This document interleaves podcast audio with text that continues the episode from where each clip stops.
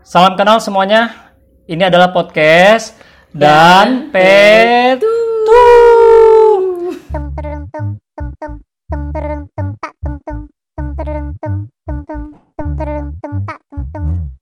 Ya, ini adalah episode kedua. Kemarin gue sama Ading ya. Sekarang ditemani sama Bu Fani, seorang guru yang mengajar di salah satu eh, sekolah swasta ya Bu Fani ya. Iya, betul. Iya. Gimana Bu Fani? Apa kabar? Eh, baik, saat jauh ini sih baik-baik saja. Mas Rio gimana? Oh, baik sekali saya mah. Saya kan nggak kayak ibu di Ap- apa kerjanya langsung terekspos ke alam liar. saya kan di gedung, saya kan di- di gedung itu aja bu di ruangan itu aja jadi aman lah. Mm-mm. Gimana bu betul kondisi sekolah di kala pandemi gini bu? Guru-guru malah makin Ya, sibuk nggak? Lebih ini sih jam kerjanya lebih eh, tidak menentu alias eh, lebih di luar jam kerja biasanya kita bekerja cuma mungkin sekitar 8 jam tapi ya setelah ya pada saat masa pandemi ini ya bekerjanya jadinya eh, lebih dari 8 jam bahkan bisa juga sampai malam hari sih. Wah luar biasa. Malah lebih capek bu ya. Iya sebetulnya malah lebih capek dibandingkan sebelum pandemi. Tapi kan bu banyak eh, orang tua yang menilai ah guru mah enak banget, cuma gitu aja gitu kan, cuma ngasih materi kita yang ngajarin. Itu gimana tuh bu Ya. kayak gitu? Padahal kalau saya lihat kan kebetulan kan istri saya juga guru nih. Saya lihat kan kayaknya juga Ya. cukup sibuk kan padahal. Iya sebetulnya dibilang lebih tidak sibuk sih salah sebenarnya pa- anggapan itu sih tidak tidak benar ya karena eh, persiapan yang kita lakukan sejauh ini justru malah lebih banyak apalagi ini berkaitan dengan eh, eh, pertemuan atau kelas yang kita lakukan secara daring gitu dan itu persiapannya justru lebih lebih perlu dipersiapkan lagi karena dari segi teknologinya dari segi materinya bagaimana bisa menarik anak-anak gitu Anak-anak juga kan secara eh, habit belum biasa dengan teknologi sebetulnya kan ya. Apa eh, iya pengajaran online gitu kan ya. Betul, padahal kan sebetulnya mereka butuh yang lebih konkret ya bahasanya gitu ya. Tapi kan sekarang semuanya secara maya gitu di dunia maya. Jadi eh ya gurunya sih mengeluarkan effort lebih sih untuk bagaimana bisa menyusun perencanaan kegiatan yang lebih menarik begitu. Nah, Bu Fani ini ngajar apa sih Bu? Kelas apa Bu? Kelas eh, playgroup atau TK ya umur 3 sampai 4 tahun lah. Apalagi kan ngajar anak-anak gitu kan malah lebih susah ya. Mereka yang belum kenal sama sekolah itu begitu dihadapkan sama online gitu kan dia mereka dia aja belum tahu ini gurunya, ini temannya kan belum ngerti gitu ya. Iya. Yang di kelas betul, aja, yang di kelas aja tuh kayaknya kita untuk mengenali teman-temannya satu sama lain aja dia masih sulit gitu kan, apalagi online gitu. Hmm. Iya, karena bahkan ada yang banting laptopnya. Di Waduh. laptopnya karena nggak mau. Luar biasa. Iya. Itu orang tuanya sih keluar kocek lagi tuh kayaknya. Iya, memang sebagai orang tuanya pun mereka perlu bekerja sama sama kita sih. Kitanya juga nggak bisa bergerak sendiri sekarang dan itu yang mungkin kalau saya bilang lebih sulitnya di situ gitu. Mungkin kalau kepada anaknya masih lebih mudah, tapi ya sekarang kerjasama dengan orang tuanya yang perlu dibangun dan itu yang lebih eh, banyak triknya harusnya harus banyak triknya gitu atau banyak su- sulitnya lah banyak kendalanya begitu. mana orang tua juga ikut frustasi ya bu ya mereka kerja di rumah tapi harus ngajar juga. Akhirnya marah-marah ngelampiasinnya ke guru-guru juga bu ya. Saya tuh nemuin beberapa Iya. kasus kayak gitu bu. Kayak ini enak banget sih guru-guru masa kita yang suruh ngajar padahal udah bayar? Ya sebenarnya kan balik lagi ya kalau kalau kita mengharapkan ini yang menurut pola pikir saya ya. Kalau kita mengharapkan eh, anak dididik guru yang cuma mungkin sebentar online itu kan sebentar ya nggak mungkin kan dia kalau kita misal kelas normal kan bisa berapa lima jam ya sehari ya ngajar ya, belajar ya? Eh, biasanya sih sekitar 2-3 jam lah oh iya gitu. ini playgroup ya saya ingatnya. Iya. SMP iya kan itu kan itu kan ini ya maksudnya nggak biasa gitu kan. Jadi dan kalau kita kasih lama-lama pun bosan kan anak mantengin monitor terus gitu kan. Iya betul. Itu juga sih yang kita pertimbangkan kenapa cuman cuma sekitar kurang lebih satu jaman ya itu karena itu gitu. Ya, Tapi ya, ya, ya. mungkin orang tua menganggap itu masih kurang ya dengan biaya apa yang mereka bayarkan. Gitu. Tapi gini bu, ada yang menganggap itu tuh kurang, tapi ada juga temen teman saya punya anak tuh kayak, aduh repot nih, uh, banyak tugas banyak tugas mulu gitu. Jadi kayak ada orang tua yang pengennya tuh, udahlah nggak usah ribet-ribet, gue juga kerja. tapi ada yang ini kurang banyak nih tugasnya aktivitasnya jadi memang susah kayaknya jadi guru Bu ya di dalam kondisi sekarang ini ya Iya, karena harus bisa memikirkan berapa kepala di dalam satu kelas itu berarti ya, kan. ya ya ya Nah, Bu. be- be- be- berapa banyak orang tua yang mesti kita pikirkan bahwa yang satu bekerja, yang satu tidak, yang satu minta tugasnya lebih ditambah, yang satu minta dikurangi. Jadi memang untuk sekarang sih bisa dibilang lebih fleksibel kita untuk masalah misalnya tugas dikumpulkan atau tidak itu pun jadi lebih fleksibel karena kita melihat kondisi orang tuanya juga gitu. Iya, iya, iya. Tapi Bu, saya tertarik loh nih, Bu. Kenapa sih, Bu, kok jadi guru? Eh, Dulu bisa nggak ceritain eh, kenapa kok milih jadi guru gitu maksudnya? Hmm, sebetulnya sih itu kayak semacam bu kalau dibilang panggilan sih terlalu berat kali ya, nggak sampai segitu juga sih. Cuma lebih ke karena dulu waktu kecil pun masih kecil tapi ngurusin adik yang lebih kecil lagi gitu. Jadi seneng kayak ngumpulin anak-anak yang lebih kecil dari usianya saya dulu waktu saya kecil terus ajak main. Dan mungkin karena ketertarikan dari situ sih karena suka anak-anak terus lama-lama berpikir apa yang bisa eh, apa pekerjaan apa yang menyangkut ke situ ya ternyata oh guru TK gitu. Oh, jadi emang cinta anak-anak ya. Tapi Iya sempet sebetulnya. sempat kepikiran nggak sih soal profesi lain yang kira-kira lebih mensejahterakan kan sekarang pikir orang kayak ah gue kerja ini mau gaji cuma segini mau hidup apaan gitu Iya sih. sempet nggak maksudnya kepikiran kayak gitu sempet nggak sih Ya, guru loh sebetulnya kepikiran juga. Cuma apa ya? eh, ada sih beberapa akhirnya malah jadi lebih tertarik ya mungkin karena masalah yang banyak muncul di masalah di masa pandemi ini ya. Jadi kayak tertarik untuk coba cari pekerjaan lain misalnya mungkin di bidang pariwisata atau jurnalistik gitu yang Oh. lebih lebih free gitu dan enggak ya istilahnya tidak perlu terlibat banyak dengan eh, orang tua gitu karena kondisinya sekarang seperti ini Jadi gitu Bu Fani, gue tuh selalu kepikiran nih Bu Fani ya. Karena kita apa? eh, karena ng- ngeliat, oh sorry, maksudnya gue tuh sering membayangkan kalau di sekolah itu ibarat kawanan serigala gitu. Maksudnya guru itu kayak alfanya gitu. Mhm. Jadi kayak terus terang buat gue sih guru itu bukan profesi yang mudah ya. Kalau gue pribadi ya, karena gue harus bisa memimpin anak-anak gitu kan. ya Jadi ya, jadi kalau menurut gue orang yang mau jadi guru tuh luar biasa sih. ya memang Dulu sempat kepikiran- tidak Dulu sembarang orang maksudnya Iya betul. Dulu gue sempat kepikiran itu ya kalau guru itu kayak orang yang bingung ngambil jurusan apa udahlah paling gampang guru. Ternyata enggak juga. Maksudnya nggak begitu. Ternyata pikiran gue salah banget gitu kan.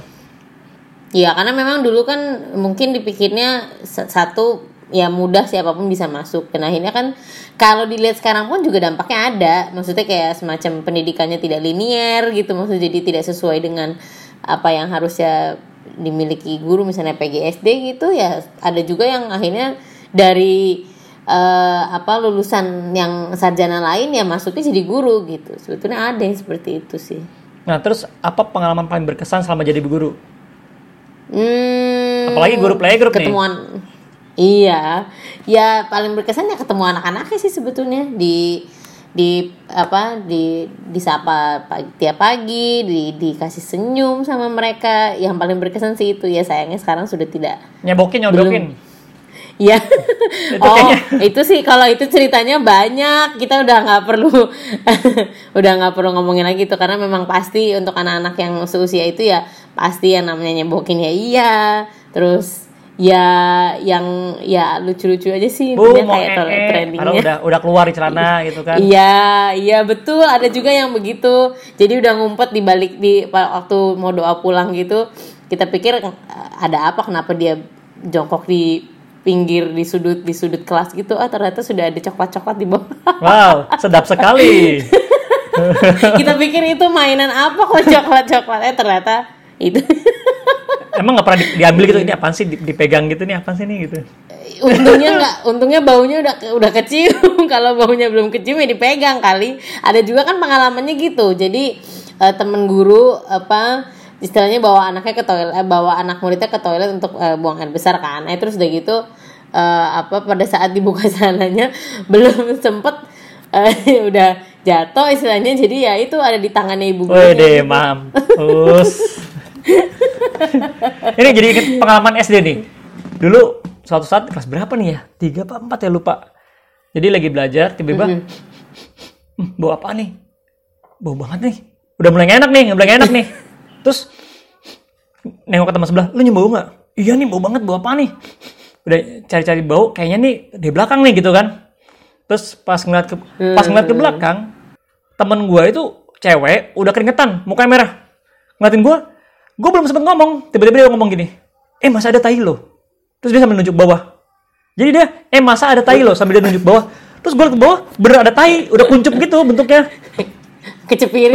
Terus gue, waduh, kan gue udah, udah, udah kayak, waduh, udah pengen, pengen kayak ngelaporin ke guru gitu. Terus teman sebelahnya, eh jangan kasih tahu ya, kasihan dia. Terus yang si eh, pelaku ini gitu langsung, iya jangan kasih tahu ya, gue takut nih jangan kasih tahu. Oh iya iya iya udah udah, temen gue nggak tahan. Bu, si si Rini berencana bu. Langsung kan orang pada ngeliatin semua kan, waduh, dia dia nggak tahan banget emang. Terus akhirnya, kamu nih udah besar kok bukannya ngomong. Sana, rumah nih, bersihin sana. Dia dia udah sambil malu jalan, terus di jalan gitu agak ngegang kan, karena mungkin udah penuh ya. Jalan-jalan, terus begitu sampai, sampai mau pintu keluar, eh jatuh satu, pluk. Bentuknya kayak di, di film kartun gitu bu, kayak bentuk kon gitu.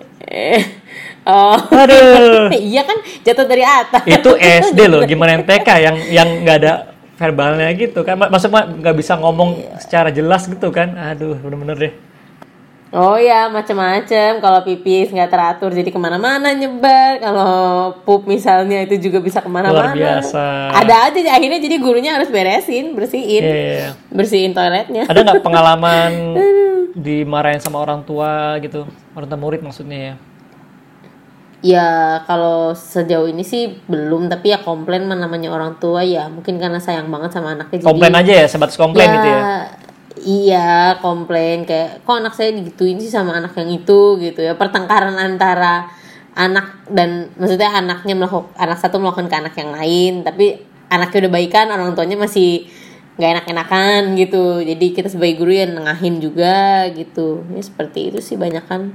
Ada juga sih yang em, apa ya lebih kepada kok ini eh, jadi ada anak laki yang seneng sama temennya yang perempuan. Playgroup? terus di play playgroup udah seneng-senengan ada. Ahai. lucunya lucunya temennya yang perempuan datang nih tasnya diambil Ini so dibukain sweet. ditaruhin nah ada juga begitu lucu banget aduh nah itu dia balik ke ceritanya lagi jadi em, si anak ini kayaknya seneng sama anak perempuan ini tapi dia jadinya jatuhnya usil dia tahu lah laki-laki mungkin kayak gitu tipenya jadi kalau nggak bisa ngungkapin ya diusilin lah gitu temennya Iya, iya, kan iya. Nah, itu dari TK pun udah ada kayak gitu ceritanya. Nah, terus yang anak laki ini eh, main-main dengan roknya si perempuan gitu di kayak Astaga. dilambai-lambaikan seperti layar gitu. Nah, dianggap sama anak, anak perempuannya sih nggak masalah, cuma ketika dia pulang cerita dengan orang tuanya, Nah, orang tuanya beranggapan ya, ya, lain ya. gitu. Ya udah akhirnya jadi diluruskan ya kesalahan. biasanya kalau sekolah anak kecil tuh yang ribut tuh malah orang tuanya kayak anaknya fun-fun aja atau enggak dikerjain ya lupa dah lupa besoknya gitu kan main biasa orang tuanya iya, ya. iya. Hari ini berantem, besoknya temenan. Terus ada ini enggak Biasanya gitu siswa sih. yang kayak pembelot banget nggak gitu? Eh, kalau untuk oh ad- ya kalau awal-awal pasti ada sih kayak membela tuh lebih kepada artinya nggak ikut aturan, lari ke mana lari ke sana ke sini. Saya pernah tuh gitu. bu waktu TK Terus mm-mm. itu waktu kecil emang bandel, maksudnya emang aduh tukang ngobrol segala macam, akhirnya disetrap sama sepupu saya itu berdua disetrap, disuruh keluar, keluar, ayo pokoknya harus diem, kamu keluar dulu diem, nanti kalau udah diem baru masuk dalam.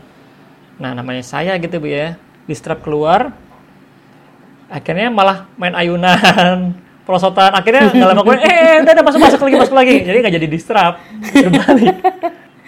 Iya, itu itu itu bedanya pendidikan dulu sama sekarang kali ya. Kalau dulu tuh orang guru sebagai guru tuh mungkin masih punya otoritas untuk kayak cetrap misalnya. Ya dulu juga pengal saya juga waktu SD pun atau waktu TK pun ya TK sih nggak mungkin, tapi SD ya dipukul pakai penggaris kayu itu loh. Iya, gitu. iya, iya. Itu juga pernah dilempar pakai kapur, pernah gitu. Tapi sekarang waduh langsung ah, ini langsung dilaporin Oh, iya, ke- eh, benar. bentar ke polisi kalau bahkan misalnya begitu. dulu tangan saya aja digunting sama teman sampai sampai kelihatan sampai kebelah kebelah, kebelah nih jadi itu apa ya prakarya apa gitu pakai nah dulu kan pakai gunting yang kecil tuh gunting besi gitu kan Hmm. nggak tahu karena apa ya temen ini kayak kesel sama gua akhirnya dia itu langsung set udah tangan langsung di sabet aja pakai gunting gitu langsung langsungnya sampai sekarang berbekas gue inget banget sama Joni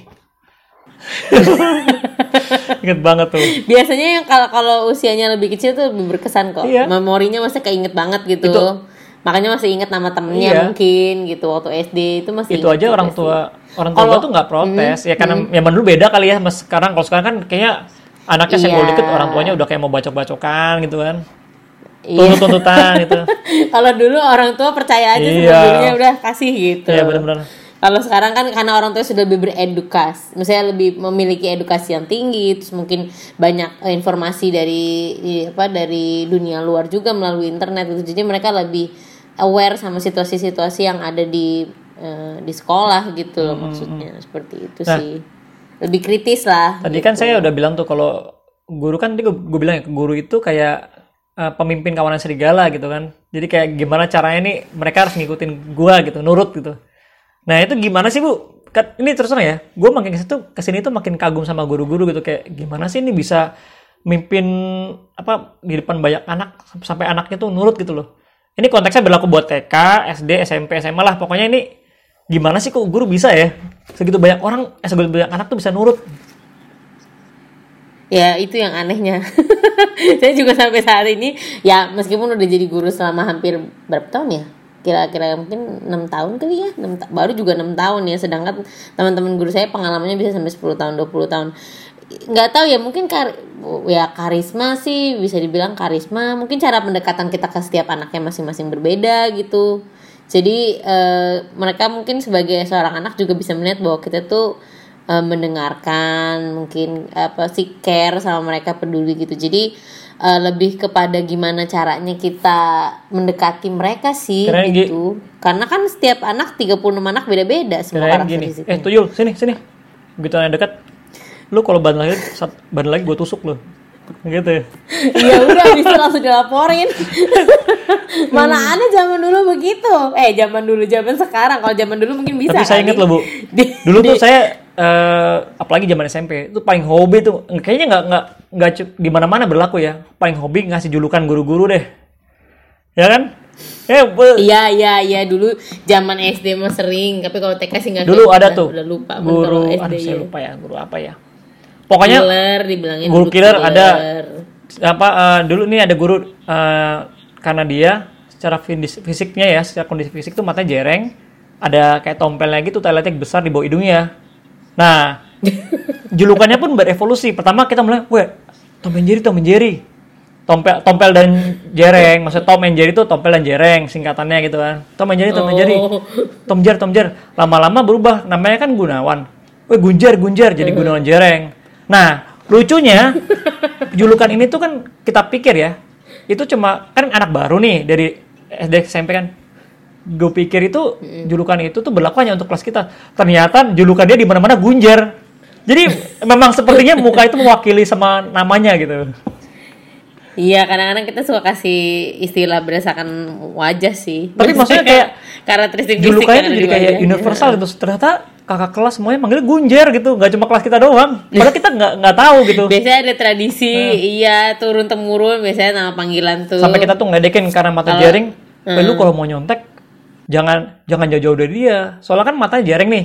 Jadi kayak cara penglihatan tuh cross. Kan yang yang kanan yang lihat kiri yang kiri lihat kanan. Tapi baru saya pernah pernah nyontek depan dia itu malah nggak ketahuan. Yang ketahuan malah belakang. Jadi sepertinya teori itu agak Oh. benar. Jadi udah eksperimen. tapi pernah ironi juga dia marah tuh. Sama kelas berapa gitu. Gara-gara ketahuan ada yang coret-coret gunjar-gunjar gitu kebaca sama dia. Terus dia marah memangnya mata saya jereng? Terus kayak anak-anak lain kayak nahan ketawa eh gimana? Emang jereng? Bener? Gitu ya kan dia nggak bisa lihat matanya sendiri gimana cara ngeliatnya coba? Iya. atau mungkin karena dia jaring dari kecil jadi ngeliatnya mata dia normal gitu Iya. aduh. Bisa itu sadis-sadis loh begitu. dulu.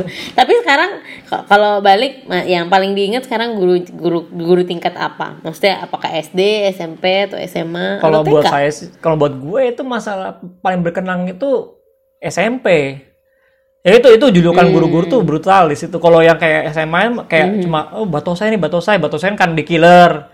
Nggak nggak. Oh kalau SMP mah beuh, mulutnya mulut sampah semua ada lagi guru nih eh, Nurget Nurget Pak- namanya Pak Pak Nur. Cuma kayak preman bu.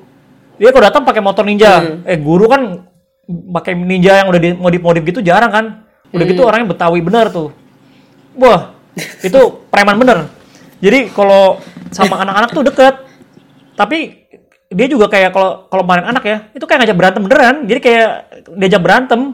Dan dia hobinya nyubit tete. Waduh kalau nggak lagi PR waduh itu bener hukumannya cute, tete iya. terus terakhir yang gue denger ya. Cabut itu bukan cabut Jambang. bulu di kaki. jambang. Ada juga itu. Apa? Oh di ya sini ya. eh, terus kabar yang gue dengar terakhir kali itu si Nurget itu eh, terakhir kali nggak nggak tahu karena masalah apa ngamuk ke kepala sekolah datang bawa golok bu. Gebrakin golok depan ke- meja kepala sekolah. Itu emang reman banget tuh guru satu itu emang tuh Ya tapi kalau dulu mah diizinkan, Iya, sekarang malah nggak dia bisa, pernah lagi Win. bayangin guru SMP berantem tampol-tampolan sama murid kelas 3 guru sama murid emang preman bener ini nih. tapi terakhir, terakhir kali ketemu Iya sih. di acara nikahan saudara ternyata ini temannya saudara gitu kan saudara udah udah udah gede Hmm. jadi kita jadi kayak ngefans sama dia gitu weh Panur masih inget gak gue? Gue masih inget tuh, emang deket sama anak-anak gitu, emang emang reman abis tuh guru tuh. Iya, berarti sebetulnya guru yang jadi yang menimbulkan kesan bahwa dia teman kan sebetulnya yang paling ingat Iya. kita tuh. Ya mungkin kayak gitu kali maksudnya dengan anak-anak bahwa dengan jadi temannya dia tuh dia jadi nggak kesannya kita jadi guru tapi jadi Iya teman benar. ingat. Ada lagi nih guru matematika. Dia tuh galak banget, saking galaknya kita namanya Palkon. Pala kontrol. Bayangin tuh. itu anak SMP loh, gila itu itu sih itu sih luar biasa. Guru mat kalau ngajak killer, itu saya kalau diajarin dia matematika stres bu, stres banget. Aduh, bener-bener. Jadi kalau nggak ngerti, maju ke depan. Dia tuh nggak main fisik, nggak, nggak main tampar. Tapi dia tuh takut setengah mati sama dia, nggak tahu kenapa gitu. Karismanya kali. Waduh, itu sih. Baga- maksudnya dia menampilkan dirinya luar sebagai biasa. guru gitu. Ternyata terakhir kali ketemu satu gereja sama saya. Dulu dulu dari wah, eh, ada palkon, ada palkon.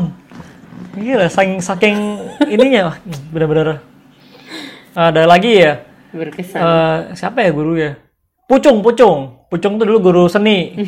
Nggak tahu itu asal asal muasal kata Pucung tuh dari mana? Apa karena dia tuh agak-agak sebenarnya eh, nggak nggak cek nggak nggak melambai ya, cuma kayak ya ada kayak sisi gemulainya gitu. Jawa Jawa tuh itu juga ternyata satu gereja sama saya. Aduh. Pas kita terakhir ketemu dan dia terkenal sebagai banci tampil. Jadi ketika ada acara seni, musik ya terutama ya, dia pasti tiba-tiba datang intervensi ikut-ikutan main. Jadi gue pernah tuh ya persami ya, persami di pramuka gitu kan nginep di sekolah. Ha- jadi udah dia kan membina pramuka dulu. Ayo bagi dua kelompok gitu.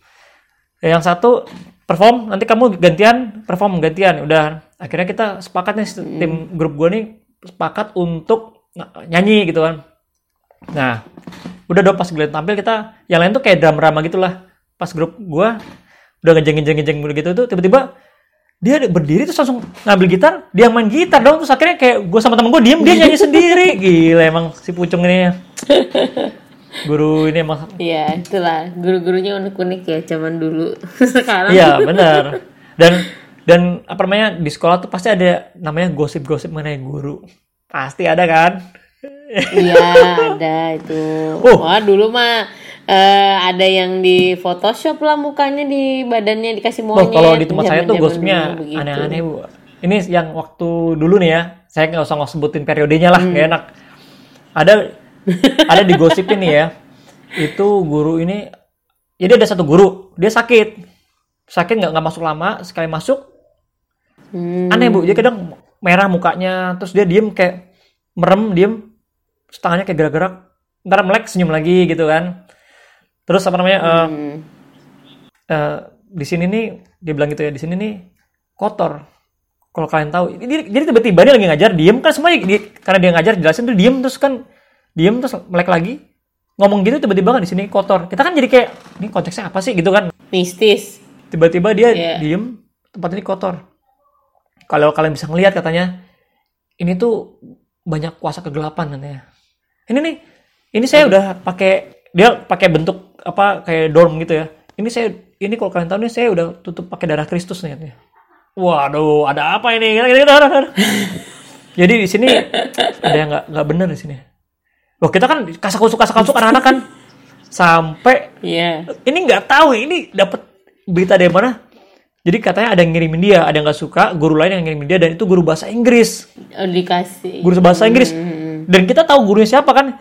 Itu sampai anak-anak tuh kayak mikir, ih si ibu ini jahat banget ya. Gila nih ibu ini kayak dukun nih ngirimin segala sesuatu. Padahal dipikir-pikir masa iya sih? Dan itu suka suka tiba-tiba gini, Ya. bu deketin siswa, kamu sakit? Iya. Terus dia kayak, dah senyum terus pergi. Ah, apa sih ini? Ini ngapain sih?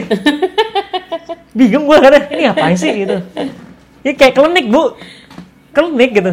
Ada yang punya Dan kuasa Nah, mistis kan. dan itu tuh parahnya ternyata dia punya kongsi. Si pelaku yang ngirimin dia tuh katanya gu- guru lain dan dia tuh bersepakat sama guru lain buat nyerang dia. Dulu gua waktu SMP tuh kayak "Ih, iya nggak sih kayaknya nggak mungkin juga deh kayak gitu loh. Ini Ya di antara guru-guru juga iya banyak. gitu gosip-gosip kan. guru ya kan. Ada lagi nih pengalaman nih, ada lagi pengalaman nih gosip soal guru nih Bu Fani nih. Dulu waktu eh, waktu sekolah di sekolah inilah ya digosipin eh, si Pak ini sama Bu ini kan pacaran. Ah masa gitu kan? Enggak kali iya itu pacaran tuh mereka selingkuh. Ah masa gitu kan? Nah, akhirnya ya ada Iya, kayak gitu kan? kayak gitu. Iya, kita yang shipping tapi kita yang kita yang jodohin Iya. enggak kali. Terus, tapi gini bu, suatu saat saya lagi ke mall nih. Jadi itu kan itu kan eh, SMA lah ya udah nggak apa saya sebut lah SMA lah ya. Hmm. Soalnya ini, ini harus dikasih tahu timeline. Hati-hati loh. Soalnya timelinenya harus dikasih tahu nih.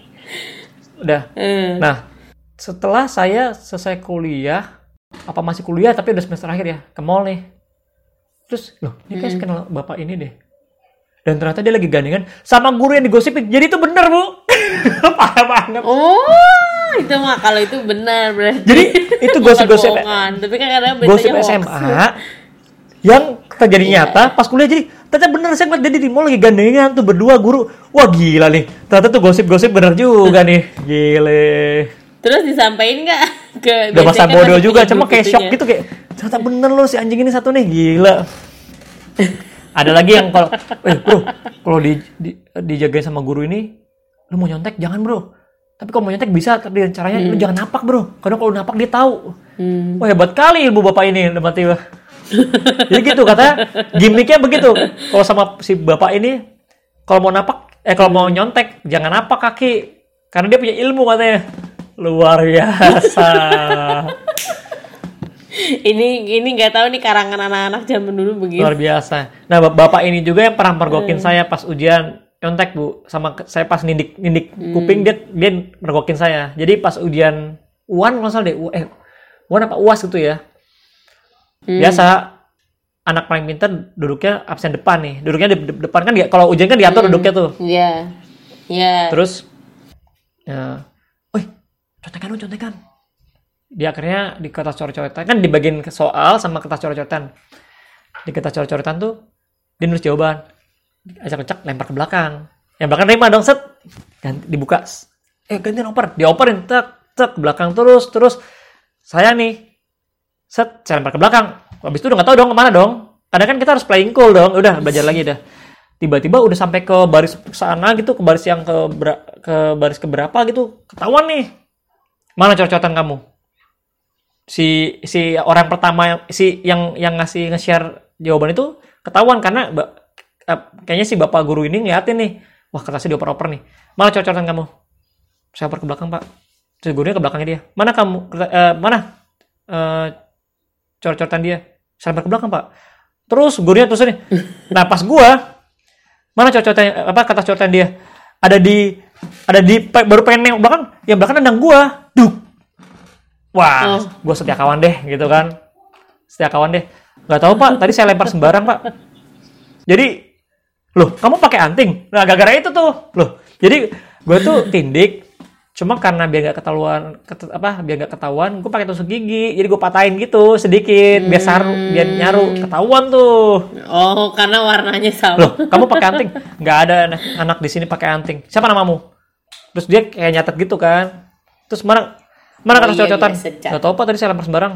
Weh ya walaupun ketahuan tapi kayak bangga nih wah gila ini nahan badan buat teman-teman nih. Sempat mikir gitu kan, terus tiba-tiba gurunya, jadi siapa aja yang terlibat nih? Nggak ada yang tunjuk tangan, Bu. Jadi itu keselnya gue udah nahan badan, nggak ada yang ngaku lagi. Paling nggak ngaku tunjuk tangan semua lah. Itu juga nggak akan dimarahin kan kalau tunjuk tangan semua kan, maksudnya rame-rame nyontek. Iya, Wah, iya. Abis itu gue ngambek berapa lama tuh sama teman-teman sekelas tuh. Kadang-kadang kesetiakawaannya langsung diuji kalau bener-bener. gitu. Nah kalau ibu ada nggak pengalaman zaman sekolah dulu suka ngasih julu- julukan guru-guru gitu atau ada gosip-gosip nggak? Ya, biasanya sih kalau laki-laki kalau ini apa kalau laki-laki sih banyak kan ngomongin tentang ini sih apa ukuran dada. Eh, iya bu, benar bu, benar bu, setuju bu, setuju bu. Enggak, tapi kan dulu saya mah anak baik. Cuman kalau namanya istilah mah adanya dari teman-teman yang lain gitu. Kalau anak yang laki-laki senang ngeliatin dadanya yang apa dadanya guru-guru yang lumayan Oh, gede betul, Bu. gitu istilahnya. Kan masa-masa zaman masih Oh muda betul mungkin sekali gitu. bu. Jadi memang di tempat saya juga ada guru-guru perempuan yang favorit gitu. Bahkan ada yang dijadiin ada yang di- Iya. dijadiin bacol bu. Bahan, bahan imajinasi anak-anak bu. Ini beneran bu, terus story, beneran ini, ya bung. Segitunya Aduh, emang anak-anak tuh. Ya karena masa lagi itu akil banget Iya gila. Sampai ada diimpiin. Bukan bahkan bukan kalau mimpi kan masih nggak sengaja gitu ya. Kalau ini benar-benar Hmm. dijadiin bahan, Bu. Dengan dengan polos dan bangga itu temen gue kan, eh kemarin gue gue mikirin si ibu ini, wah gila. Bener-bener aduh, anak-anak zaman dulu bener aduh. Iya, tapi kalau dulu SD kali kelas 6 itu kita banyak kan ngomongin soal yaitu karena kita baru dikenalin tentang materi menstruasi, ya vagina dan itulah istilahnya gitu. Jadi eh, di sit- di situ sih yang banyak kayak maksudnya bukan dengan gurunya tapi antara apa siswa perempuan dan laki-laki Nah, ini nih itu. menarik nih. Ya, biasa suka ejek-ejekan. Nah bu, menarik Suka banget nih. ejek-ejekan. Penting gak sih bu pelajaran seks sejak dini nih? Kan kayak di sini tabu masih tabu banget kan? Iya, kita sih ngomongin yang kayak gitu-gitu selalu Nah, pasti dianggap karena gini bu, deh kalau di saya di punya pengalaman soal ini bu. Waktu kecil pernah nanya nih ke bokap nih ya. Jadi kan dulu ada iklan Durex, ingat banget tuh iklan Durex yang posisi ceweknya di, di bawah, cowoknya di atas Iya. pegangan tangan gitu kan, di kasur gitu gak? Gara-gara gara-gara iklan itu nanya dong, Pak kondom apa sih? Bokap Iya. kata banget gelagapan, terus dia kayak jadi kondom itu alat, alat kontrasepsi. Dan dia tuh sosok nganya, abis itu dia sosok menjelaskan pakai bahasa Inggris yang apaan sih? Gue gak ngerti loh, bener gak ngerti gitu. Tapi bokap gue kelihatan banget gelagapan gitu, kelihatan gelagapan banget gitu. Hmm. Nah, jadi menurut ibu tuh sebenarnya penting gak sih kayak gitu? Ini pengalaman saya kecil kayak begitu loh bu. Jus. Heeh. Kalau justru malah kita dari TK pun sudah nga- mengajarkan, tapi bukan dengan bahasa yang susah ya. Mereka kan nggak ngerti yang, ya mereka emang nggak ngerti yang kayak vagina, penis itu mereka nggak ngerti. Tapi eh, kita beritahu bahwa itu ada kalau di perempuan ini, kalau di laki-laki ini nama yang tidak boleh disentuh oleh orang lain selain mama papa atau guru misalnya kalau Oh, kayak area terlarang. gitu, kalau mereka ada di sekolah. Ya, daerah, daerah merah kita bilangnya sih. Tapi Jadi kan bu, bu sebetulnya seks tapi kan edukasi. memang, memang, memang warnanya Iya. merah bu. Loh, iya sih, memang pink lah, agak Oh, iya. gitu. Cuma memang eh, apa istilahnya itu perlu tapi sesuai dengan usianya mereka gitu. Jadi kita menjelaskannya sesuai usia mereka. Mungkin kalau saya dengar ceritanya Mas Rio tadi tentang ah, ayahnya Mas Rio yang cerita tentang begitu, ya untuk umur segitu mungkin nggak ngerti. Iya iya. Ap- ya Malah confused, Bu. nggak akan mengerti Bener. betul gitu karena dengan istilah-istilah yang susah apalagi dengan bahasa Betul, Inggris betul. kan sedangkan kalau di luar itu malah Open udah ya, malahan ya. bukan diwajibkan iya lebih terbuka mereka kayak ya ini contoh misalnya di budaya barat gitu. Eh, kalau kita sering lihat di film-film barat itu orang tua kissing di depan anaknya pun nggak masalah. Itu sebagai itu sebenarnya bukti eh, bukan bukti sih itu mengajarkan kepada mereka oh berarti kita bisa bisa melakukan itu dengan orang kita sayang atau dengan ayah kalau sudah menikah gitu istilahnya. Kalau dulu zaman saya dulu malah kalau misalnya ada adegan begitu kalau lagi di film pasti ditutupin. Suruh tutup suruh tutup Nah mata, itu, suruh tutup jadi kan mata, gitu. penasaran kan. Bahkan saya justru malah makin dilarang iya, penasaran saya aja nonton gitu. film bokep itu SD bu. SD, oh dulu tuh masih mah cadas bu. Saya mah, saya juga, saya tuh kenal masturbasi pun SD kayaknya udah kenal. Dan itu diajarin rame-rame di rumah kosong. nggak bohong ini bener nih bu jadi suatu jadi dulu tuh kan masih masih ini kan rental VCD kan kebetulan teman-teman juga gede-gede nih Hmm. Jadi kayak suatu saat nih satu hari nih ada tetangga yang bapak- bokapnya itu emang sewa re- eh, rental VCD gitu. Masih VCD dan dulu. VCD gitu dan dia ada bokapnya. Nah anaknya tuh kadang suka eh, nih nonton yuk nonton yuk. Nonton nih suatu rumah kosong. Jadi ada niat ada niat bener-bener niat bawa VCD di situ. Bawa dari rumah ke situ ke rumah kosong itu gitu kan. Nah Oh. jadilah kita nonton bareng-bareng dan yang gede-gede itu ya masturbasi di situ bu ya kita ngeliat gitu misalnya. jadi kayak sebelah sebelahan gitu oh begini ya semenjak itulah saya mengenal kasih contoh. semenjak itulah saya mengenal namanya coli gitu. nah itu kan contoh banget ya bu ya contoh nyata gitu bahwa kalau kita tuh salah Iya. eh, mendidik eh, maksudnya kalau kita terlalu malah justru menutup-nutupi tentang seks itu kayak begitu malah vulgar kan gitu jadinya kan Iya, betul. itu aja Jadi, saya belum keluar eh, belum apa ya? belum keluar cairannya bu. Jadi masih kayak angin doang keluar. SD lo bayangin. Eh, SD lo bayangin. Segitunya kan. Makanya mau- menurut saya sih Iya, makanya semakin Ya, dilarang iya, benar. makin begitu biasanya. justru saya tuh kayak mulai ada ya ada ya om saya tuh malah menurut saya bijak. Jadi kalau om nah, kan dekat gitu sama om. Om punya film bokep ada tuh mau nonton nonton aja. Karena ada kalau dia malah malah Hmm. yaudah nonton aja dia diawasin gitu masa di, di- diajak apa Hmm. diajak diskusi nanti dia akan ngomong ke orang tuh tiba-tiba mbak tuh ngomong ke nyokap gitu mbak tuh si si Rio Hmm. sama sini nonton film bokep tuh ngasih tau orang tuh dengan tenangnya aja gitu tapi gue ngelegapan Hmm. kan karena nyokap kan kayak tabu gitu kan sama bokap kan Iya, iya gue biasanya. kan ngelegapan kayak gitu. Jadi menurut gue sih kalau pribadi ya penting sih bu. Karena ya itu tadi pengalaman gue pun gue SD pun akhirnya yang menjelaskan dengan cara yang salah tuh teman-teman sendiri gitu. Hmm. Dan biasanya sih kalau eh, apa namanya pendidikan seks itu atau sex education itu lebih baik diberikan dengan misalnya kalau ayah ayah ya dengan anaknya laki-laki, ibu dengan anaknya yang perempuan. Iya, benar, gitu. benar. Jadi biasanya Setuju, kita setuju. bilangnya bahwa eh, eh, karena kan kita Iya. punya gitu, jadi kita bisa mengedukasi anaknya gitu dan tahu dan jangan eh, maksudnya bukan jangan sih ya apa ya. Kadang-kadang tuh orang tua panik kayak dikasih Iya, pertanyaan benar. kayak gitu mungkin ya kan bingung juga menjelaskannya kayak apalagi apa kayak- gitu makanya kan banyak buku buku-buku juga yang beredar sekarang tentang sex education bagaimana menjawab pertanyaan anak jika dia menanyakan ini padahal sebetulnya ya kalau apa istilahnya ya mungkin dengan pengalaman sebagai guru gitu bisa disederhanakan kok dengan bahasanya mereka gitu istilahnya begitu. Kadang itu yang jadi bingung tuh gini orang tua yang saya tangkap ya. Dia itu mau nyebut ah, misalnya alat kelamin aduh namanya apa ya? Biar biar proper. Padahal ya sebenarnya kayak penis ya penis aja gitu. Kan juga nggak mungkin juga. Maksudnya kan iya penis tuh udah menurut saya udah paling halus. Oh itu itu namanya kontol nah gitu kan nggak begitu kan? Jadi emang emang namanya itu propernya penis. Iya, itu bilang aja penis gitu kan. Iya nama Iya, biologisnya betul kan? nama yang disebutkan di Iya, kedokteran. Makanya jadi jadi kayak orang tua tuh karena nggak biasa itu jadi begitu yang nanya wah gelagapan. Ya kan? Gitu kan bu ya? Mm-mm.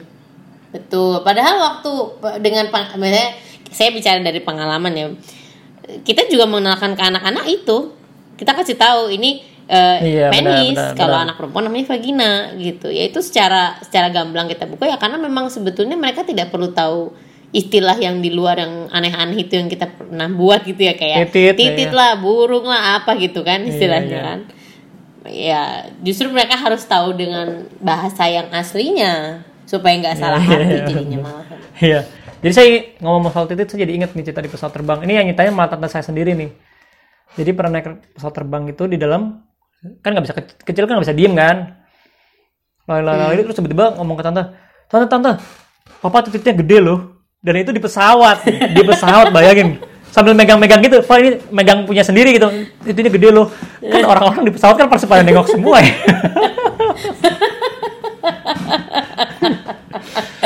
Aduh. Itu mah anak-anak spontanitas anak-anak biasa begitu. Nah, kan. tapi saya kagum sama guru SMP saya nih. Kalau dulu saya ingat gue itu dapat materi tentang eh, seks itu SMP kelas 1 tentang kelamin tuh ya, inget banget. Hmm.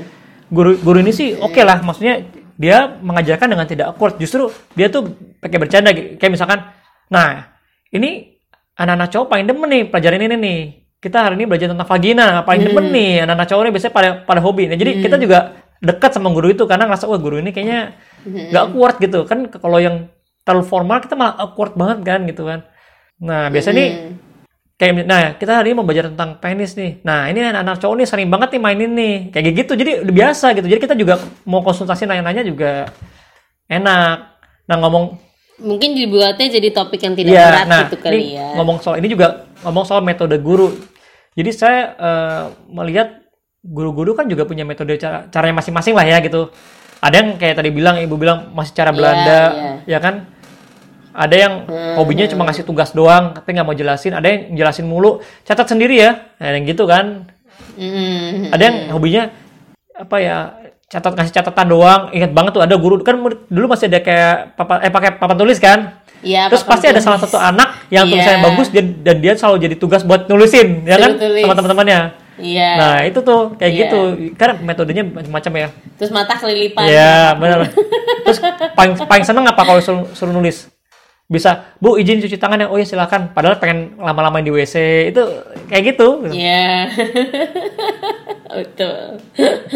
Zaman dulu mah begitu. Memang kita dulu apa ya? Ya ya itu mungkin karena apa istilahnya acara mengajar guru zaman dulu tuh masih dibenarkan untuk kayak semacam otoriter terus kayak dengan dengan perlu disetrap dihukum gitu. Jadi ya anak-anak mungkin jadinya nggak betah juga gitu. Iya betul. Ya sekarang kan udah nggak boleh. Ya, saya ingat banget tuh dulu ada guru-guru yang kalau ngasih hukuman tuh ya tadi tadi kan tarik jambang gitu ya cubit tete. Ada yang ada yang apa namanya eh, cuma suruh maju doang terus ada yang yang apa mukulin jari kita kalau nggak ngajen PR mukulin jari pakai eh, penghapus papan tulis di tok tok tok ujuk ujuk kuku Iya, ya dilempar pakai penghapus papan tulis. Oh iya ada yang juga memang fisik gampar dan buat kita zaman dulu tuh Iya. biasa ya mungkin kalau zaman sekarang nggak bisa kali kayak gitu ya. Langsung kena hukum langsung kena undang-undang penjara gurunya. Heeh, betul. Itu kan banyak kasusnya di luar seperti itu. Iya nah makanya tapi ya sebetulnya juga nggak benar juga kan ada tuh satu kasus di mana akhirnya karena gurunya melakukan itu kepada muridnya akhirnya ayahnya datang atau orang tuanya datang terus akhirnya mukulin gurunya Iya Itu juga- pernah. Oh iya ngomong Iya, soal hukuman, saya pernah di juga. pernah dihukum gara-gara. Jadi gini, kan saya bilang tadi ya SD itu saya SD kan gue udah vul- vulgar banget ya, kayak kelas berapa tuh ya udah kenal coli kan, berarti udah vulgar vulgar banget. Mhm. Nah ada istilah ada ada, ada, eh, gaya baru nih. Jadi tiba-tiba teman nih teman SD ya, ini kelas hmm, 5 apa 6 ya lupa gitu. Temen ini emang kocak sih. Gue baru akrab sama dia nih tiba-tiba dia suka iseng temennya gini. Misalnya temen lagi di jongkok di bawah. Terus dia, dia datang Hmm. ini sepong nih sepong nih. Duh pala temennya ditempelin ke itunya dia. Wah wah kocak nih. Hmm. gue ikutin. Tiap ada anak gue cok dari belakang. Misalkan lagi jongkok gue cok dari belakang dia nengok gue kenain ke burung gue nih tuh wah sepong nih sepong nih gitu kan. Hmm. baru kenal istilah sepong jadi lagi lagi seneng senengnya gitu kan. Suatu Hmm. waktu ada anak yang gak terima. Gue gitu nih ini sepong sepong nih tuh langsung dia ngelapor pas masuk kelas ngelapor pak guru tadi saya disuruh gini gini gini gini maju. Sama sama siapa lagi? Maju. Sama teman gue dipanggil berdua. Praktekin. Dan itu gue mau nggak mau praktekin karena dihukum. Aduh malu banget. Jadi gue teman gue berdiri terus dia coba praktekin katanya di gimana? Depan teman-teman jadi kepala gue dijambak terus kas- ditarik ke bawah gitu ditempel-tempelin aduh malu. Gila itu sih.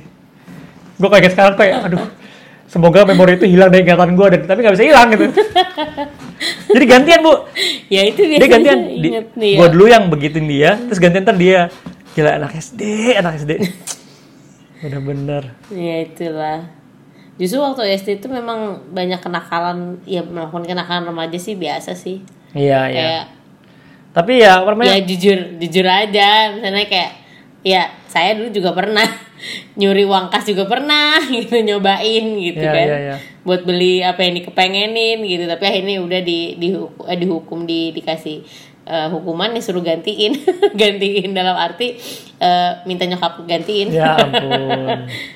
Gitu. Tapi ya memang metode cara belajar guru itu memang eh, ya unik sih ya ada yang Hmm. ada yang memang saya saya suka banget. Dan ini berrelasi sama prestasi anaknya juga bu. Jadi ini pengalaman pribadi pribadi gue ya. Kalau gue cocok sama metode itu dan suka sama gurunya nilai gue pasti bagus-bagus. Bukan Hmm. masalah mata pelajarannya suka nggak suka ya tapi kalau cocok dengan cara dia mengajar itu bisa bisa apa ya menyerap lah ilmu yang diajarkan gitu ya. Contohnya lu ada nih Bu Ida ini guru favorit gue sepanjang masa lah sampai sekarang. Dia makanya gue suka banget sama biologi karena dia dia orang Batak kan dia kalau ngomong tuh logatnya kental. Jadi anak-anak tuh sampai sekarang suka eh Bu Ida Bu Ida yang mana? Yang cabang cabang biologi. Dia selalu ngomong gitu jadi kalau ngomong cabang cabang biologi. Dan itu tuh gue favorit gue kenapa? Karena gue tuh orangnya kan apa ya em, suka diperhatikan gitu ya. Maksudnya eh, suka kalau orang tuh tahu tentang gue gitu. Nah tiba-tiba dia tuh apa namanya suka nanya tentang eh nanya-nanyain lah kamu gimana? Eh, di rumah anak berapa? Gitu seneng tuh gue tanya guru zaman dulu gue suka banget tuh ya. Nah puncaknya adalah ketika eh, dia sampai tahu gue lagi suka sama siapa. Wah itu tuh buat gue sih buat gue tuh kayak gitu aja ya. Kayak gitu the best. Karena apa? Wah ini perhatian nih dekat sama murid. Bahkan si Bu Ida ini ya. Iya. Bu Ida ini waktu kita udah lulu- lulus dari udah lulus dari itu kan SMP ya lulus SMA ha- akhir tuh dia kan uh, suaminya meninggal. Akhirnya temen-temen uh, alumni tuh datang lah ya beberapa orang. Terus Bu Ida uh, eh Haryo kamu sama dia nunjuk temen gue cewek gue kan lu kalian pacaran ya? Waduh gue kan kayak malu ya udah lama banget SMP gitu. Kalian bukannya pacaran dulu ya? Maksud gue tapi di situ gue senang banget loh sama dia karena kok ibu ini masih inget ya gitu loh Hmm. jadi kayak Biasanya metode sih. untuk eh, metode guru ini berhasil buat gue. Makanya gue sampai sampai sekarang gue suka biologi gitu. Pelajaran biologi gue selalu bagus. Sampai SMA pun gue selalu bagus. Kayak gitu. Tapi dulu yang terkenal terkenal identik dengan guru killer tuh seingat saya di zaman saya mah Matematika. eh, matematika, fisika, Iya. kimia. Memang ya mungkin karena kan ada yang bilang ya kalau orang yang pintar matematika tuh kadang bahasanya kurang. Hmm. Mungkin karena pelajarannya sendiri susah, dia juga menjelaskan gimana kan susah loh, bener susah loh ngajarin anak-anak matematika tuh susah banget buat saya juga susah gitu kan. Nah mungkin dia juga frustasi gitu. Mhm. ya kan makanya itu makanya gimana caranya nih supaya anak-anak pay attention ya gue harus galak juga gitu Iya, mungkin karena itu. iya bener terus ada lagi Ya guru-guru mungkin juga nggak banyak, nggak bisa melakukan seperti yang apa Mas Rio tadi bilang tentang Bu Ida, Bu Ida ya namanya ya itu Iya. karena em, dikejar kurikulum, mereka harus melengkapi atau misalnya kayak me- menuntaskan gitu, hmm, sehingga eh, anak ini bisa nanti lulus di ujian nasional kah atau ujian sekolahnya gitu. Terdesak karena itu, jadi istilahnya pendekatan ke anaknya jadi kurang karena itu. iya dan dan Tuh. apalagi ngadepin anak kecil ya saya pernah tuh sampai guru kesel gagal nanya mulu namanya jadi lagi belajar soal itu SD kelas 5 nggak salah mempelajari soal minyak bumi minyak fosil ya fosil ya dari fosil Mhm. nah itu imajinasi imajinasi saya tuh imajinasi saya tuh nggak nyampe nih. Kok minyak bumi dari fosil dari mana? Gimana caranya ya? Nanya tuh pak gimana kok dari dari bangkai bisa jadi fosil eh jadi- bisa jadi minyak bumi? Ya, dia jelasin pakai cara kimia dan segala macam kan nggak ngerti masih SD kan? Mhm. terus nanya pak tapi kan itu kan gini gini gini. Pak sampai akhirnya ah udah kamu kamu banyak nanya kamu. Sampai digituin bu. Wah gila. Nah, Nah. itu ya sebetulnya. Ya anaknya jadi nggak berani nanya sebenarnya salah juga Iya. sih. Cuma ya mungkin itu balik lagi mereka kejar dengan target jadinya. Iya da- merasa kayak kejar setoran gitu lah. ya benar. Terus ada lagi nih ceritanya bu. Ini kalau gini siapa yang salah nih bu? Kan jadi kalau di sekolah Katolik itu kan kadang ada pas temanya bulan kitab suci, suci nasional itu kan suka kayak Mm-mm. pagi ibadah terus nanti kayak ada renungan gitu kan. Nah nanti Mhm. setelah pas renungan biasanya kan ada kayak eh, khotbah tapi bukan khotbah sih. Gurunya tuh kayak lebih kayak diskusi so- merenungkan eh, bacaan gitu kan ya. Nah ini tentang berbagi nih. Ya jadi selama musim BKSN ini bulan kitab suci nasional ini mulailah coba untuk berbagi. Kalau ada tetangga yang minta bantuan kamu bantu gitu kan. Terus kalau ada orang yang minta makan ya kasih makan terus kalau misalkan apa ada yang eh, minta tolong ya tolongin lah kalau misalkan ada yang ada tukang sampah langsung ada yang nyetok dikasih sampah ya bu. Nah kalau kayak gitu? Maksudnya gue sebagai guru juga nggak salah anak ini bener tukang sampah dikasih sampah tapi konteksnya kan bukan itu gitu kan? Iya, nggak ada yang salah sih sebetulnya. Maksudnya gurunya mungkin memberikan persepsi berbagi, tapi mungkin kurang menjelaskan berbaginya dalam bentuk tapi apa. itu jadi jadi ketawa semua sih bu karena memang lucu gitu. Iya, mana muridnya polos. itu, itu ibu kenal itu si Pak Jonan itu yang ngomong gitu.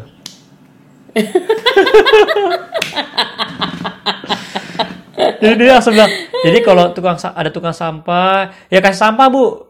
Ya bener memang. Si ibu gurunya ngomong sambil Iya, sambil ketawa iya. ngakak ya bener memang bener kata sampah gitu ya gurunya juga tidak bisa menyalahkan berarti Iya. karena anaknya benar. Terus ini juga bu ya.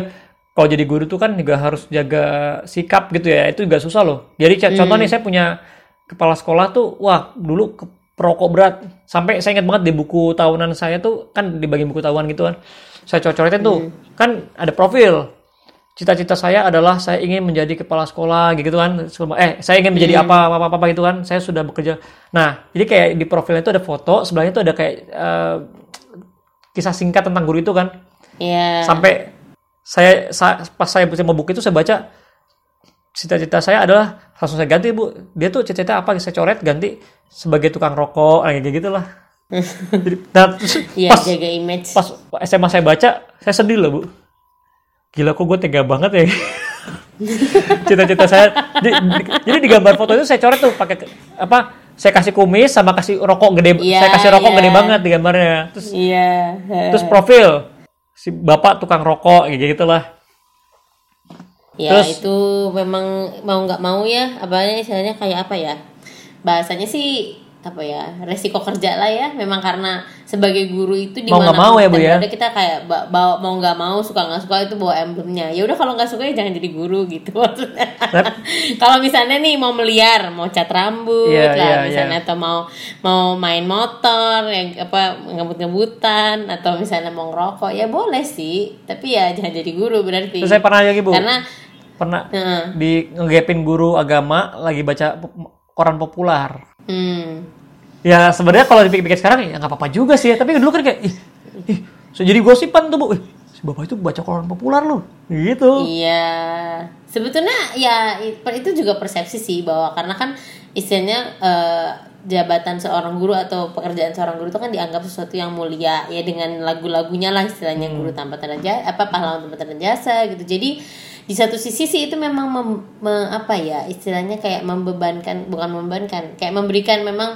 eh, image guru itu harus bagaimana gitu jadi seorang guru tuh ya harus lurus nggak boleh em, nakal istilahnya nggak boleh itu berat loh berat loh gitu. kita kan juga manusia ya nah itu dia padahal Aduh. maksudnya guru juga manusia yang butuh ya hiburan butuh ini ya kalau misalnya dia eh, butuh misalnya dia butuh misalnya merokok sebagai pelepasan dia nggak bisa dong berarti. Karena kan Iya. itu image dia. Kecuali dia merokoknya diam-diam. Susah jadi guru. Alias maksudnya nggak nggak ketahuan gitu. Susah jadi guru bener.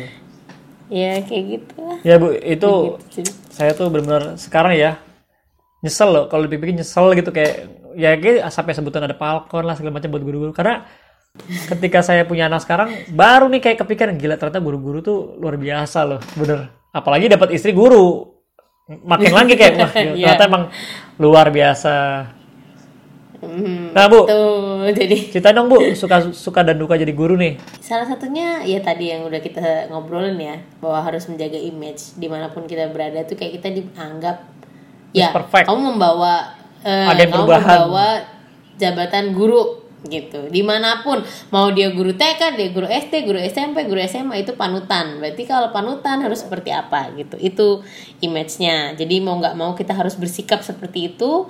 Dan eh, ya sa- sampai kadang-kadang saya juga mikirnya saya ingin pergi ke tempat saya bisa saya hib- menghibur diri misalnya melepas apa Jadi main diri atau apa. gitu ya. tapi nggak ya tapi nggak ada yang kenal sama saya gitu maksudnya. Nggak ketemu sama orang tua murid. Bahkan setelah mendapatkan pekerjaan jadi guru itu saya jadi begitu. Cari oh mall ini mall ini banyak orang tua murid ini. Nggak deh nggak ke sana. Gitu. bisa bu. Kita saya hangoutnya di ke mall yang itu aja deh. Gitu. Masuk aja ke kandang singa bu. Kandang singa udah nggak ada yang kenal bu Ya, kalau suka sukanya sih banyak, ya itu ya karena mungkin karena saya ngajar anak kecil ya ketemunya ya, anak-anak, lucu gitu ya. happy. Ya kan katanya guru TK awet muda, Iya, benar, benar, benar, benar. karena ketemunya anak terus Iya, gitu. Ya dukanya ya sih kalau saya sih ya paling itulah gitu antara eh, apa sukanya karena ketemu anak kecil, dukanya ya karena di mana pun kita berada kita harus jaga image. berat banget itu gua aja yang kantoran aja tuh kayak kadang- kadang ngerasa jenuh loh kan tetap dong kalau di kantor tuh kita se apa ya sepreman apa pun kita tetap harus kelihatan baik ya kan Hmm. look nice terus harus yang apa ya sikapnya tuh yang santun gitu lama-lama capek loh bu bener capek gitu Hmm. Iya kan? bener susah banget jadi ini siapa tahu nih ada para para guru Hmm. guru gua dulu yang denger uh, podcast ini siapa tahu ya bapak ibu Iya. terima kasih ya udah ngajarin saya maaf kalau saya dulu sempat ngajakin Maaf pernah gambarin kumis. Gambar kumis, maaf, maaf nyebut palkon, pucung, batosai gitu. Maaf ya Bu, Pak. Aduh benar-benar. Tapi kalian luar biasa loh, benar-benar. Tanpa kalian nih negara ini jadi apa? ya udah Bu Fani, terima kasih banyak loh udah nemenin bicara Sama-sama. bicara bicara hari ini nih. Aduh seru banget sih. Sama-sama. Semoga Bu Fani tetap happy terus ya Bu jadi guru mendidik anak yang Iya. mencetak anak yang apa ya yang ya jadi manusia yang baik lah gitu. Ya, yang penting baik dulu Tapi ya. jangan salah Bu ya. kedua ya. Jangan salah walaupun ngajar playgroup belum tentu anak itu lupa sama ibu. Saya aja masih ingat sama guru TK saya. Padahal Ya, berharap. bener. jadi ketika saya lihat foto-foto lagi ya, foto-foto lama dulu zaman TK. Gila ternyata guru-guru gue dulu waktu gue TK muda-muda banget ya. dulu kayaknya katanya tua-tua. Jadi di mata anak-anak sekarang bukan itu tua banget gitu. Iya. Nanti ketika mereka gede, ketika mereka gede ngeliat, lah dulu guru gue muda banget ya ternyata ya gitu. Luar biasa ya. iya, ya semoga diingat ya. Kalaupun gak diingat pun nggak apa-apa sih, asalkan mereka tumbuh. eh, ini sih yang sering kita bilang di antara guru-guru, asalkan mereka tumbuh baik, maksudnya tidak punya akhlak yang baik lah istilahnya. Itu berarti berarti Bangga berarti ya. yang kita lakukan itu Aduh, berhasil. itu kayak nikmat banget ngeliat ya. Misalkan, eh bu, ingat nggak sih ini nggak anak ini? Sekarang udah jadi pilot loh, misalnya kayak gitu ya. Hmm, iya itu sudah istilahnya kayak buat kita. Oh berarti yang saya lakukan dulu tuh berhasil buat dia. Eh bu, bu, kenal si ini nggak? Sekarang jadi bandar togel loh, kayak gitu ya. Sedih. Jangan sampai ya. Iya, iya. Tumbuh yang baik-baik ya. Iya. Ya, Bu Fani makasih banyak ya udah nemenin ngobrol nih. Sama-sama. Ya. Jangan kapok-kapok lah, kapan-kapan kita ngobrol lagi Bu Fani. Oke, sampai ketemu lagi Bu Fani. Sampai ketemu lagi, Mas Rio. Dah.